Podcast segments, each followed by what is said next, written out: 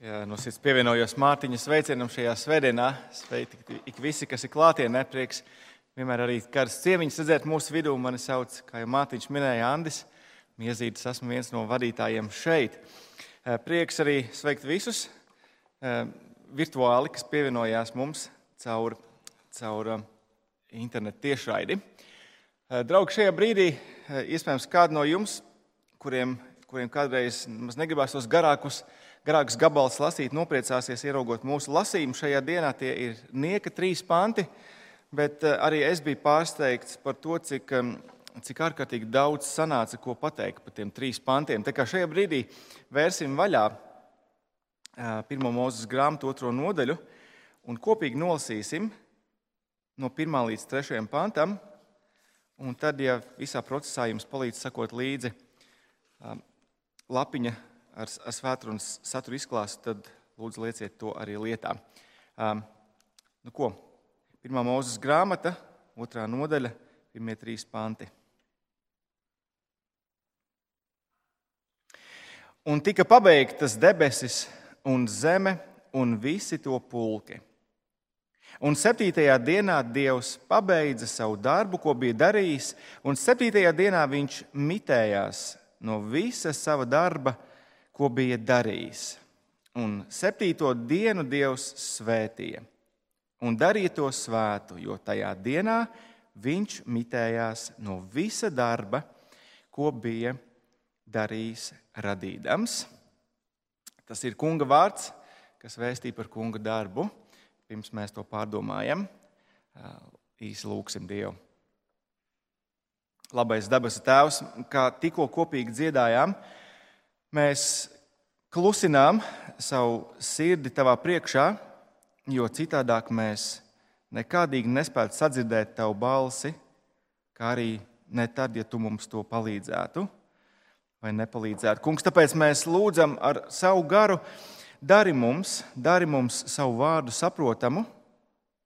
Kungs, īpaši šajā dienas pēcpusdienā, nedēļas beigās vai sākumā, dāvā mums enerģiju, ka varam sēdēt un klausīties Dāvā mums mīkstas sirdis, ka Tavu vārdu varam uzņemt un arī turpināt to pārdomāt. Un dāvā Tēvs man arī spēku un skaidrību Tavu vārdu uzticami pasludināt.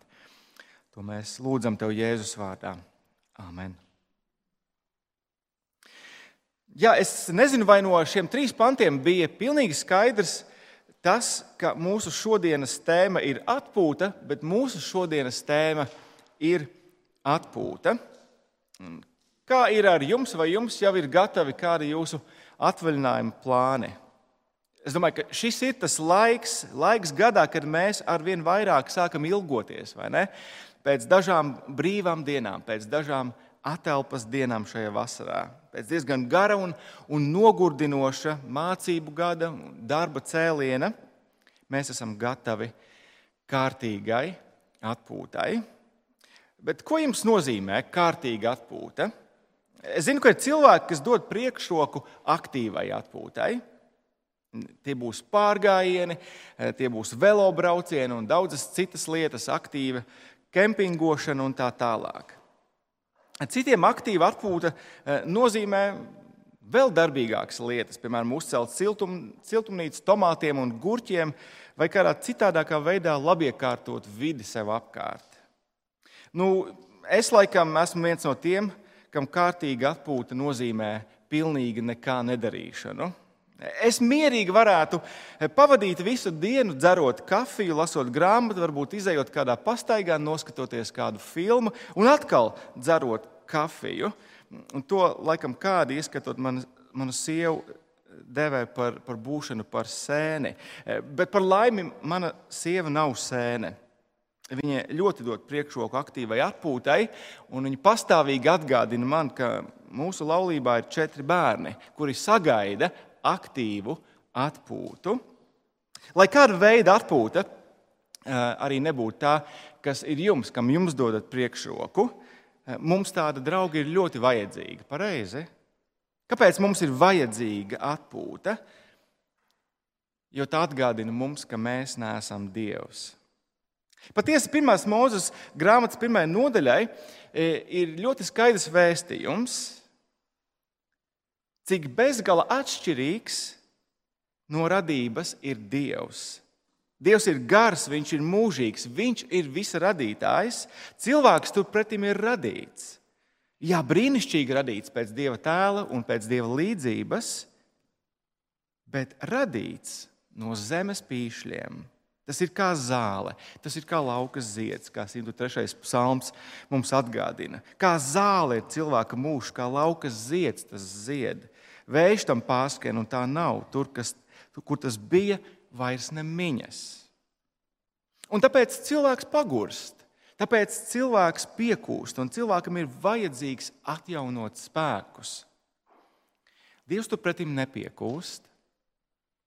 Viņam nav pēc atjauno, vajadzības pēc atjaunotiem spēkiem. Pravietis Iesai ļoti skaidri pasludina to 40. nodaļā. Vai tu nezini, vai tu neesi dzirdējis, mūžīgs Dievs ir kungs, kas radījis zemes malas, viņš nepagurst, viņš nepiekusīs. Neizdibināma ir viņa saprāšana. Viņš nogurušam dod spēku un spēcina to, kam nav stipruma. Savēlkot to visu kopā, mūsu šīs dienas raksturvieta un, un septītā diena kļūst ārkārtīgi intriģējoša. Dievs, kurš nepagurst un nepiekūst, atpūšas, jeb atdusējas. E, ko tas nozīmē un kā izskatās? Kā izskatās atpūšanās, domājot par Dievu? Piedamām viņš ir iecerējis atpūsties kopā ar cilvēku, vīrieti un sievieti, kuram Dievs ir uzticējis pakļaut un pārvaldīt visu dieva radīto. Ko tas nozīmē un kā tas izskatās, domājot par cilvēku? Un tad nu, mūsu īsā raksturvieta, manuprāt, pirmkārt liek mums eh, paraudzīties atpakaļ uz Dieva pabeigto darbu radībā, bet, bet otrkārt tā liek mums raudzīties uz priekšu, uz Dieva jauno radību. Un es vēlos, lai mēs satvērtu šo vienu centrālo patiesību, ka Dievs radīja cilvēku, kam daudz, daudz vairāk nekā tikai šai zemes dzīvei. Dievs radīja cilvēku mūžīgai atpūtai kopā ar savu radītāju Dievu. Un tāpēc Dievs nav iecerējis to, ka cilvēks atradīs savas dzīves piepildījumu šajā radībā, aktivitātē šeit. Tas ir kaut kas, par ko mēs domāsim. Bet nu, vispirms, septītā diena norāda mums uz Dieva pabeigto darbu, uz Dieva pabeigto pasauli. Jūs iespējams atceraties, kā sešas radīšanas dienas veidoja šos divus pārus. Pirmās trīs dienas runāja par visuma izveidošanu, un ceturtā līdz sastā diena runāja par visuma piepildīšanu. Bet septītā diena viņa atradās saurup. Viņa bija nošķirta, un tas ir tāpēc, ka septītā diena ir noslēguma diena. Dieva darbs ir pabeigts. Ieskatieties otrās nodaļas pirmajā pantā, un tika pabeigtas debesis un zeme un visi to pulki. Un septītajā dienā Dievs pabeidza savu darbu, ko bija darījis. Septītā diena ir izlaiduma diena, priecīga diena. Tā nes sev līdzi gandarījumu par, par padarīto. Dievs raugās uz savu attestātu, un, un tas ir sarkanais diploms, tas ir zelta medaļa. Dieva pabeigtiem darbam nevar neko pielikt, no tā nevar neko atņemt. Tas ir pilnīgs. Tā ir pabeigta diena, tā ir pilnīga diena, jo Dieva darbs ir ļoti labs, kā mēs to redzējām. Dievs sešas reizes atsaucas uz sava, eh, savu darbu kā uz labu. Atcerieties, un Dievs redzēja, ka tā ir labi. Un septītā diena un pēdējā diena, par to Dievs eh, saka šādi, 31. pantā. Dievs redzēja visu, ko bija darījis, un redzi, tas bija ļoti labs. Dievs kā arhitekts, kā dizaineris, viņš raugās uz noslēgto projektu, viņš saka, perfekti, pilnīgi. Viss ir savā vietā, viss darbojās kā iecerēts. Saule, mēnesis, zvaigznes, Viss strādā. Lielais eh, levitāns, eh, zivju gārnis, lauva, zebra. Visi ir savā vietā. Visi dara to, kas viņiem jādara. Ir. Visiem ir ko ēst. Un tos visus pārauga, pieskata cilvēks. Pilnīgi viss strādā. Nu, Dievs beidzot var atpūsties. Un īstenībā tas ir tas, ko mēs redzam. Dievs tieši tā arī dara. Ja mums būtu iespēja īsi nointervēt Dievu par to, ko viņam nozīmē kārtīga atpūta, kā jums šķiet, ko viņš atbildētu? Viņš beidzot ir padarījis visu, ko viņš ir iecerējis. Ko viņš atbildētu? Es domāju, ka Dievs atbildētu, ka viņš dod priekšroku ne tādai, kā man atpūta liekas, bet viņš dod priekšroku aktīvai atpūtai. Septītā diena ir aktīva atpūta, bet ko tas nozīmē? Redziet, ka mēs lasām, ja mēs uzmanīgāk lasām šos trīs pantus, ir sevišķi, ka mēs ielūkojamies pašā noslēgumā, viņš mitējās, eh, ja pārtrauca, atpūtās no visa sava darba, ko bija darījis radīdams. Dievs atpūtās no radīšanas darba. Dievs neatpūtās no aktivitātes kā tādas. Viņš atpūtās no darba, ko viņš bija radīšanā darījis. Ja citiem vārdiem sakot, dieva atpūta nenozīmē bezdarbību. Viņš nepameta savu radību novārtā. Viņš neteica, tā, nu šis nu ir padarīts, tagad es varu bišķiņu atslēgties, es varu pagriezt muguru un aiziet, padarīt kaut ko citu. Nē, Dievs joprojām turpina strādāt. Tikai nevis radīšanas darbā, bet gan visas radības uzturēšanas darbā.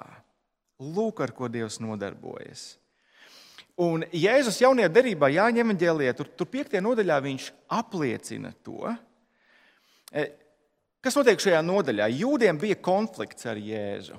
Un ļoti specifisks konflikts par to, ko nozīmē atpūta, jeb ko nozīmē sabats. Jūdi domāja, ka atpūta nozīmē nekā nedarīšanu, bet Jēzus deva priekšroku aktīvai atpūtai un dziedināja vīru, kurš bija paralizēts 38 gadus.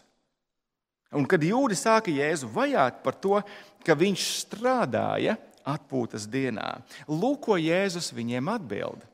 Mans tēvs vēl aizvien strādā, un arī es strādāju. Dieva atpūta ir aktīva, tā turpinās. Dievs strādā, uzturēdams visu, ko ir radījis vēl šobaldienu. Vai jūs pamanījāt, ka šajos trīs pantos mēs nekur neieraugām ierasto formulu? Un bija vakars, un bija rīts, ceturtā diena, piektā diena, pirmā diena. Varbūt Mozus steigā nepagūto pieminēt. Nu, protams, ka tā nav. Mozus visu ir pieminējis, ko kungs ir gribējis. Viss ir pareizi, jo septītā diena ir mūžīgās atpūtas diena. Tā ir dieva radīšanas darba kulminācija, bet vienlaikus tas ir visa sākums. Ja jums tā patīk, atpūta ir septītās dienas darbība. Atlikušajā nodaļā mēs redzēsim to, kā Ādams un Ieva atpūšas un ko tas viņiem nozīmē. Tas viņiem nozīmē aktīvu atpūtu, dzīvot un strādāt kopā ar savu radītāju, perfektajā paradīzes dārzā. Ādamam būs uzdevums to kopt, to sargāt. Tur ir daudz ko darīt. Septītā diena nav bezdarbība. Līdz ar to mēs ieraugām, ka cilvēka dzīves mērķis nav meklējams, ja tā var teikt, pirmajās sešās radīšanas dienās. Cilvēka radīšanas mērķis ir meklējams septītajā dienā. Un tas ir baudīt un priecāties par dieva radību kopā ar Dievu mūžīgi. Un mēs šobrīd joprojām dzīvojam šajā septītajā dienā. Kāds Bībeles komentētājs labi pateicis, cilvēces radīšana kronē dieva darbu, bet sabats, septītā diena, ir tā augstākais mērķis. Un, draugi, tas liek mums raudzīties tālu aiz šīs pasaules robežām, uz Dieva jaunu radošo darbu. Pareizi. Bet pirms mēs ielūkosimies šajā darbā, es domāju, ka ir vērts brīdi apstāties. Ir vērts apstāties un padomāt par to, ka, ka cilvēka dzīves jēga un mērķis nav atrodams šīs pasaules kārtībā, šajā radībā. Tas nav atrodams šajā pasaulē. Kāpēc? Kāpēc ir tik svarīgi satvert faktu, ka cilvēka dzīves mērķis ir aktīva atpūta kopā ar Dievu septītajā dienā? Manuprāt, šīs patiesības satvēršana pasargā cilvēku no tā, ka viņš kļūst pāraizņemts ar, ar Dievu doto radības pakļaušanas uzdevumu, ka viņš tiek pārņemts ar to. Jā, jā, mēs redzam, ka Dievs uzdeva cilvēkam pakļaut radību, bet šim uzdevumam nebija jāpārņem visa cilvēka dzīve. Cilvēkam nebija jāmeklē tajā savas dzīves jēga vai savas dzīves piepildījums. Citiem vārdiem sakot, cilvēka dzīves būtība nav atrodama pirmajās sešās radīšanas dienās, jeb šīs pasaules ietvaros. Un es domāju, ka mēs ļoti labi redzam, kas notiek, vai kā mūsdienu kultūra ir pārņemta ar šīs pasaules aktivitātēm, bez jebkāda atskaites punkta dievā. Mēs domājam par tādām lietām kā bauda, kā piedzīvot pēc iespējas vairāk sajūtas un emocijas no tā, ko šī pasaule sniedz, no visiem tiem veidiem, kurā šī pasaule to sniedz. Vai patērēšana, kā dabūt pēc iespējas vairāk lietu no šīs pasaules vai attiecības, kā nepalaist garām to vienīgo cilvēku, ar kuru to visu piedzīvot, lai būtu pilnība, vai galu galā darbs. Darbs. Vai tu zināji, ka tavas dzīves augstākais mērķis nav vienkārši strādāt? Un es gribu daudz, lai jūs saprotat mani pareizi. Neviena no minētajām lietām nav slikta. Dievs mūs ir radījis ar dažādām maņām. Kāpēc? Lai mēs dažādos veidos spētu baudīt viņa radītās lietas. Protams, mēs drīkstam patērēt šo pasauli. Mēs esam radīti attiecībām ar cilvēkiem šajā pasaulē. Un mums šajā pasaulē ir jāstrādā. Darbs ir labs, darbs ir veids, kā Dievs gādā par mums. Mēs ļoti dažādos veidos esam iemācījušies pakļaut šo pasauli gan savām vajadzībām, gan savām interesēm, gan arī iegribām. Mēs esam pakļaujuši dabas resursus, lai attīstītu rūpniecību, lai attīstītu tehnoloģiju, lai attīstītu pēc tam zinātni, attīstītu medicīnu. Daudz kas no tā ir labs. Bet kas notiek tad, ja mēs neesam vērīgi pret savu aizņemtību ar šīs pasaules pakļaušanu? ar darbu. Mūsu darbs sāks definēt mūs, kas mēs esam. Pastāv teiciens, es nezinu, vai jūs esat to dzirdējuši, tu esi tas, ko tu ēd. Vai ir vēl kāds, parādi man savus draugus, un es pateikšu, kas esi tu. Šajā pasaulē dzīvojot, mēs, mēs allaž būsim šajā bīstamībā, definēt sevi attiecībā pret to, ko mēs darām. Tu esi tas, ko tu dari. Es esmu mācītājs, es esmu skolotājs, es esmu mākslinieks, es esmu galdnieks, es esmu arhitekts, es esmu ārsts, es esmu grāmatvedis, es esmu ierēdnis, es esmu jurists, es esmu sociālais darbinieks, es esmu pārdevējs, es esmu mamma ar lielo M, es esmu tētis ar diviem T. Un tā tālāk, un tā joprojām. Es esmu tas, ko es daru. Ja tā ir tava profesija, ja tā ir tava nodarbošanās, tas ir tavs darbs, bet tavu pamatidentitāti neveido tavas zināšanas, gudrības, spēju, sasniegumu kopums. Tu esi kas daudz, daudz, daudz vairāk par to, ko tu dari. Tava vērtība un tavs nozīmīgums nenāk no tā, ko tu dari. Un mēs zinām, draugi, nekādas sakas ir tam, ka cilvēks sāk piesaistīt savu vērtību, savu nozīmīgumu tam, ko viņš dara. Viņš noliek sevi uz, uz neveiksmes, uz izgāšanās ceļa. Tava vērtība un tavs nozīmīgums nāk no tava radītāja. Tikai un vienīgi. Kā mēs domājam, aizdītā nedēļā, tu esi skaisti radīts, tu esi skaisti radīta. Pēc dieva tēla un līdzības, dieva radības kronis. Bet dieva radības kulminācija ir atrodama personiskās attiecībās ar viņu septītajā dienā, kas nebeidzas, kas ir mūžīga, atpūtā kopā ar savu radītāju. Citā ir brīnišķīga kombinācija, pareizi. Tāpēc es domāju, ka mēs varam teikt, tu esi tas, ko tu pielūdz. Nepielūdz savu darbu, pielūdz radītāju dievu un baudi aktīvu atpūtu kopā ar viņu septītajā dienā. Bet, protams, vai tad, sakojot līdzi, domājot, vai tad, nesanāk, vai tad nesanāk tā, ka dzīve kopā ar Dievu septītajā dienā joprojām nav dzīve šajā pasaulē? Pareizi, ir. Tā ir dzīve šajā pasaulē, bet tā nav dzīve šai pasaulē. Atlikušās 66 grāmatas Bībelē iezīmē to, uz ko ir vērsta Dieva aktivitāte šajā radībā, uz ko ir vērsta Dieva atpūta šajā radībā, ja pie kā Dievs strādā. Un tāpēc tā otrā lieta ir, ka Dievs strādā pie savas jaunās pasaules Projekts pasaule kādā brīdī noslēgsies, mēs to zinām. Dievs strādā pie jaunās pasaules. Dievs septīto dienu nekad nav iecerējis vienīgi attiecībā uz šo pasauli. Nu, mēs jau zinām, kā cilvēkam izdevās baudīt kopā ar Dievu septīto dienu pilnīgajā paradīzes dārzā nepārāk labi, vai ne? Ādams un Ieva, nevērtē sadraudzību ar Dievu pārāk augstu, viņi nevērtē šo atpūtu, šo privilēģiju pārāk augstu, un tāpēc viņi to zaudē. Un tas iesāk pavisam jaunu nodaļu cilvēka un dieva attiecībās. Un par to mēs domāsim kopā ar Mārtiņu pēc pāris nedēļām.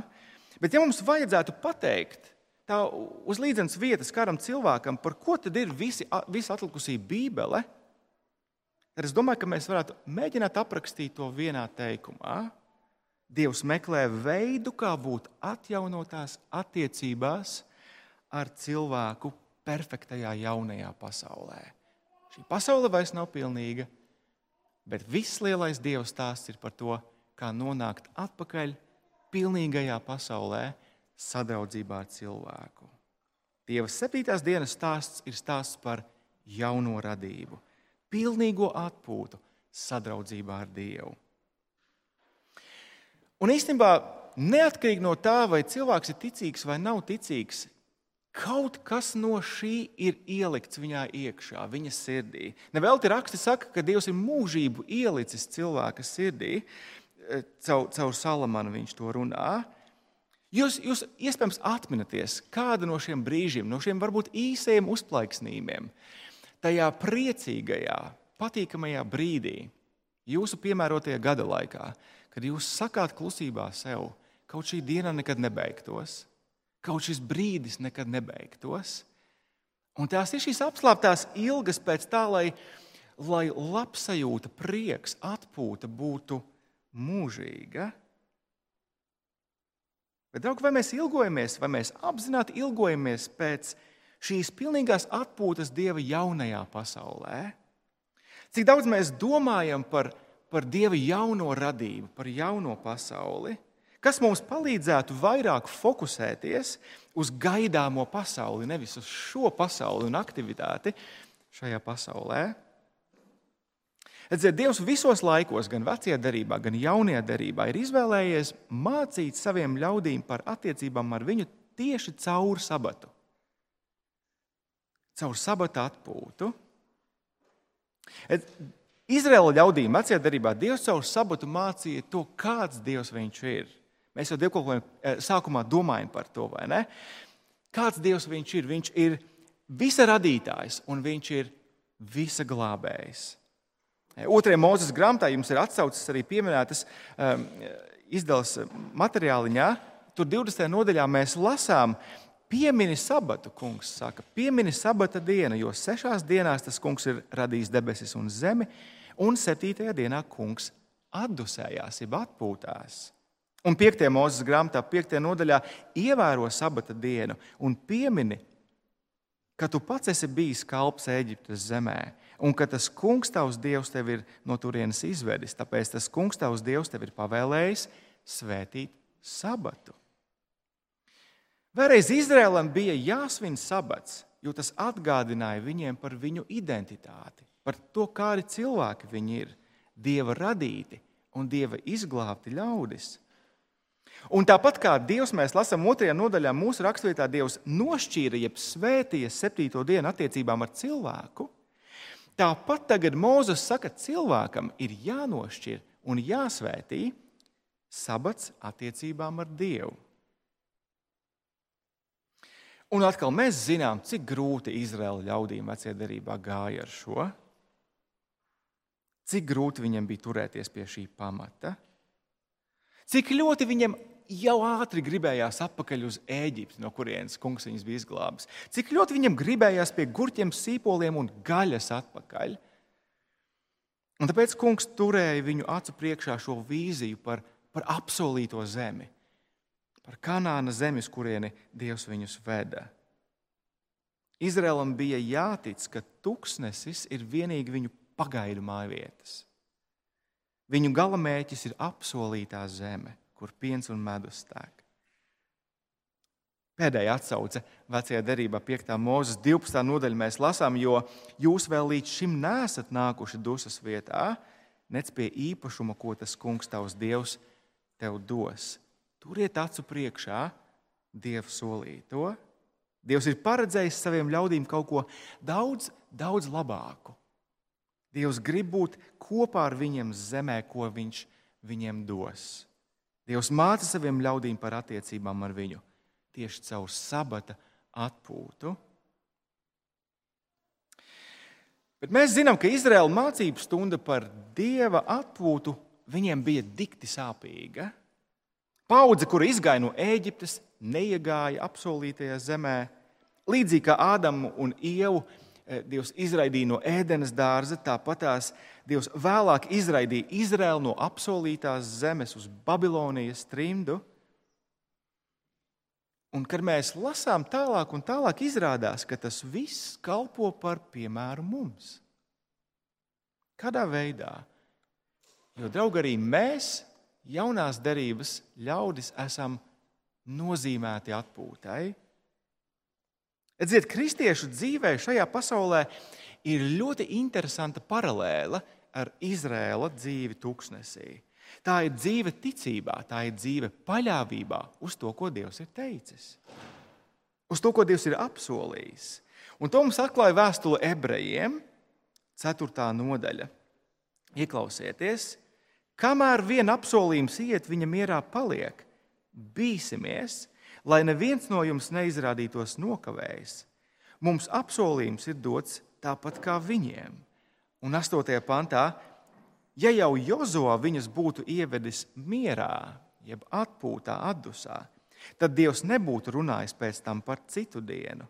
Tā sabata miers ir saglabāts Dievu tautai, lai tajā ieietu.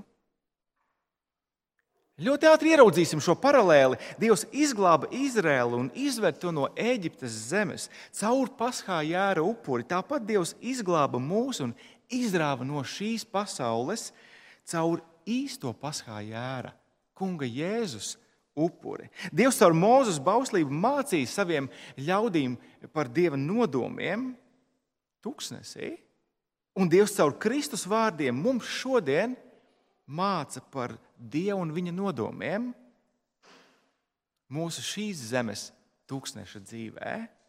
Un Dievs sabata, atpū, Dievs sabata atpūtas mēģis Izrēlam bija Kanāna zeme. Bet Dieva sabata atpūtas mērķis mums ir Dieva jaunā pasaule, jaunā apsolītā, īstā māja vieta. Un tāpēc ebrejiem autors liek pie sirds mums šo divējādo patiesību. Kristū mēs jau esam dievišķās atpūtas dalībnieki, Un tāpēc mums ir stipri jāturās pie Kristus evaņģēlīja pamata. Arī mūsu kristiešu dzīve ir pilna ar kārdinājumiem. Mūsu kristiešu dzīve ir pilna ar pārbaudījumiem, ar cīņām. Un tāpēc mums ir jāturās pie Kristus paļāvīgi. Ieklausieties ebrejiem trešajā nodaļā. Autors saka, mēs esam Kristus līdzdalībnieki. Mums vajag viens sākotnējo pamatu cieši paturēt līdz pat piepildījumam. Par kādu piepildījumu viņš runā? Viņš runā par atdusu, par īsto gaidāmo, mūžīgo atpūtu kopā ar radītāju viņa paradīzē, pēc tam viņa jaunajā radībā. Draugi, tātad septītā diena mums atgādina, ka, ka dieva radošā aktivitāte ir noslēgta un piepildīta. Nu, Dievs atpūšas no sava radīšanas darba, bet šī atpūta nav nekā nedarīšana, šī atpūta ir aktīva. Tā ir piepildīta ar Dieva jaunu radošo darbu, aktivitāti. Viņš strādā pie savas jaunās pasaules. Viņš strādā pie tā, lai jaunajā pasaulē būtu cilvēki. Mans tēvs strādāja joprojām, un tāpēc es strādāju, Jēzus saka. Kungs glāb cilvēkus jaunajai pasaulē, un šis ir mūsu dzīves galamērķis. Un ebreju autors saka, tas ir drošs, jo to ir nopelnījis mums Kristus krusts. Un tāpēc mums atliek vien turēties, turēties paļāvīgi pie šī pamata, gaidot uz mūsu mūžīgo atdosu. Bet ļoti īsi noslēgumā, kā tas izskatās? Nu, kā izskatās dzīve ar Dievu kopā 7. dienā, gaidot uz mūžīgo atdosu? Ja jau, mana kristieša, ja jau manas kristieša dzīves piepildījums nav manā darbā, Un, ja tas nav šīs zemes dzīvē, kādai tad ir jāizskatās manai zemes dzīvei? Ko sevī ietver, ietver aktīva atpūta kopā ar, ar Dievu septītajā dienā, ar skatu uz jauno radību? Nu, kā tas izskatās? Vai no tā, ka mēs domājam par to uh, un, un prātojam savā prātā, kādreiz, kas tad mums atliek? Ja šīs zemes dzīvē mums nav piepildījuma, darbā nav piepildījuma, kas tad mums īsti paliek? Attiecībās nav piepildījuma, kas mums paliek? Vai no tā, ka dažreiz mums šķiet, ka vienīgais, ko Dievs sagaida no mums šajā dzīvē, ir nemitīga, nogurdinoša evanģelizācija, līdz mūsu spēki būs pilnīgi izsīkuši un mēs nonāksim pie Dieva, Viņa paradīzē. Nu, neizklausās aizraujoši neizklausās pārāk priecīgi. Bet tas ir tāpēc, ka mēs īsti nesaprotam visu to, ko Dievs ir iecerējis mums kopā ar viņu septītajā dienā. Un skaidrs, ka mēs to visu nevarēsim aplūkot šodien. Bet tas tāpēc, ka mēs nesatveram to, cik aizraujoša ir dzīve. Mēs sakām, tas ir nogurdinoši, tas ir sāpīgi. Pat mans ebreju valodas eh, pasniedzējs nemitējis man atgādināt, ka es katru reizi nopūšos par šīm intensīvajām studijām, ir, ka nav labāka veida, kā nomirt, studē, kā studējot ebreju valodu. Tas ir labākais veids. Es nezinu, viņš laikam domā, ka tas ir iedrošinoši. Draugi, protams, mēs zinām, mēs zinām, cik šī dzīve mēdz būt nogurdinoša, vai ne? Cik viņa mēdz būt bieži sāpīga. Dievs mums visiem ir atgādinājis, atgādinājis aizdītajos gados, šajos pandēmijas gados, cik ļoti cilvēks ir pīšļi, cik ļoti cilvēks ir putekļi, kur cilvēks atgriežas. Jā, mēs neesam Dievs. Mēs neesam Dievs. Mums ir vajadzīgs kas daudz, daudz vairāk šīs zemes dzīvēi. Dievam nav daudz kas vajadzīgs no tā, kas mums ir vajadzīgs. Mēs esam teikt, ka Dievam vispār nekas nav vajadzīgs, viņš ir pašpietiekams. Bet mums ir vajadzīgas tādas vienkāršas lietas kā miegs. Mums ir vajadzīgas tādas vienkāršas lietas kā iekšējā atjaunošanās. Mums nav visu laiku jāstrādā, pat tad, ja tas nozīmē darīt evaņģēlīju darbu. Nu, nav. Mums ir vajadzīga tā viena diena nedēļā, kad mēs apstājamies, kad mēs vēršam savu skatu uz kungu, kad mēs pārdomājam, pateicamies par viņa radīšanas dabu, kad mēs pateicamies par viņa jaunradīšanas darbu. Mums ir vajadzīga šī viena, viena diena. Vienalga, kura diena Pāvils saka, bet lai ir šī viena diena, neapzaksim sevi, kad mēs atpūšamies, kad mēs vēršam skatu uz Dievu. Un, draugi, mums ir vajadzīgs to izdarīt to visu darīt kopā. Mums ir vajadzīgs to darīt kopā.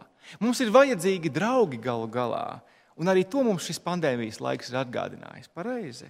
Mums ir vajadzīgi draugi, ar kuriem izrunāties, mums ir vajadzīgi draugi, ar kuriem izkustēties, pasportot kopā. Mums ir vajadzīgi draugi, ar kuriem paskatīties futbolu, pastaigāt saurietā, noskatīties kādu filmu, baudīt kopā kādu garšīgu ēdienu. Mums ir vajadzīgi draugi, kas sniedz mums iedrošinājumu, kas aizlūdz par mums.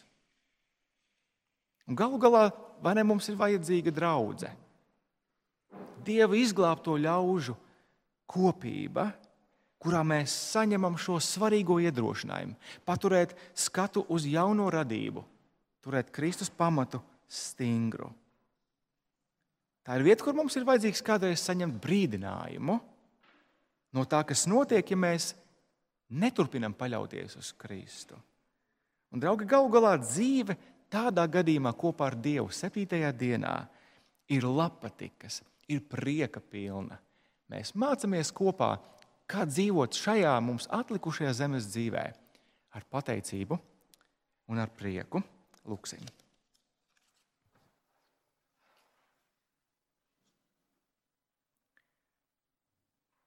Visu varenais Dievs, mēs tev no sirds pateicamies par to, ka tu esi runājošs Dievs un tu gribi, lai mēs zinām, kāds tu esi un ko tu dari šajā pasaulē. Paldies, ka varoties tavā darbā apkārt mums, šajā brīnišķīgajā eh, vēlu pavasara eh, pievakarē, mēs redzam, cik skaistu tu esi radījis visu. Tu esi noslēdzis savu darbu, tas ir pilnīgs un, kungs, tas ir ļoti, ļoti, ļoti labs. Es paldies, ka tu esi atklājis, ka tu joprojām strādā. Paldies, ka tu strādā pie jaunās pasaules, kur tu esi sagatavojis un sagatavosi tiem, kurus tu glābi. Paldies, ka tu tēvs strādā joprojām. Un Kungs palīdz mums saprast, mums niecīgiem cilvēkiem, ko nozīmē piedalīties kopā ar tevi šajā, šajā aktivitātē. Kungs atgādina mums, ka mēs neesam Dievs. Atgādina, ka mēs esam tik daudziedā ziņā vajadzībā. Un palīdz kungs mums viens otram to atgādināt un iedrošināt, paturot mūsu skatu uz tevi, uz taviem apsolījumiem un uz tavu jauno pasauli Kristus vārdā. Amen!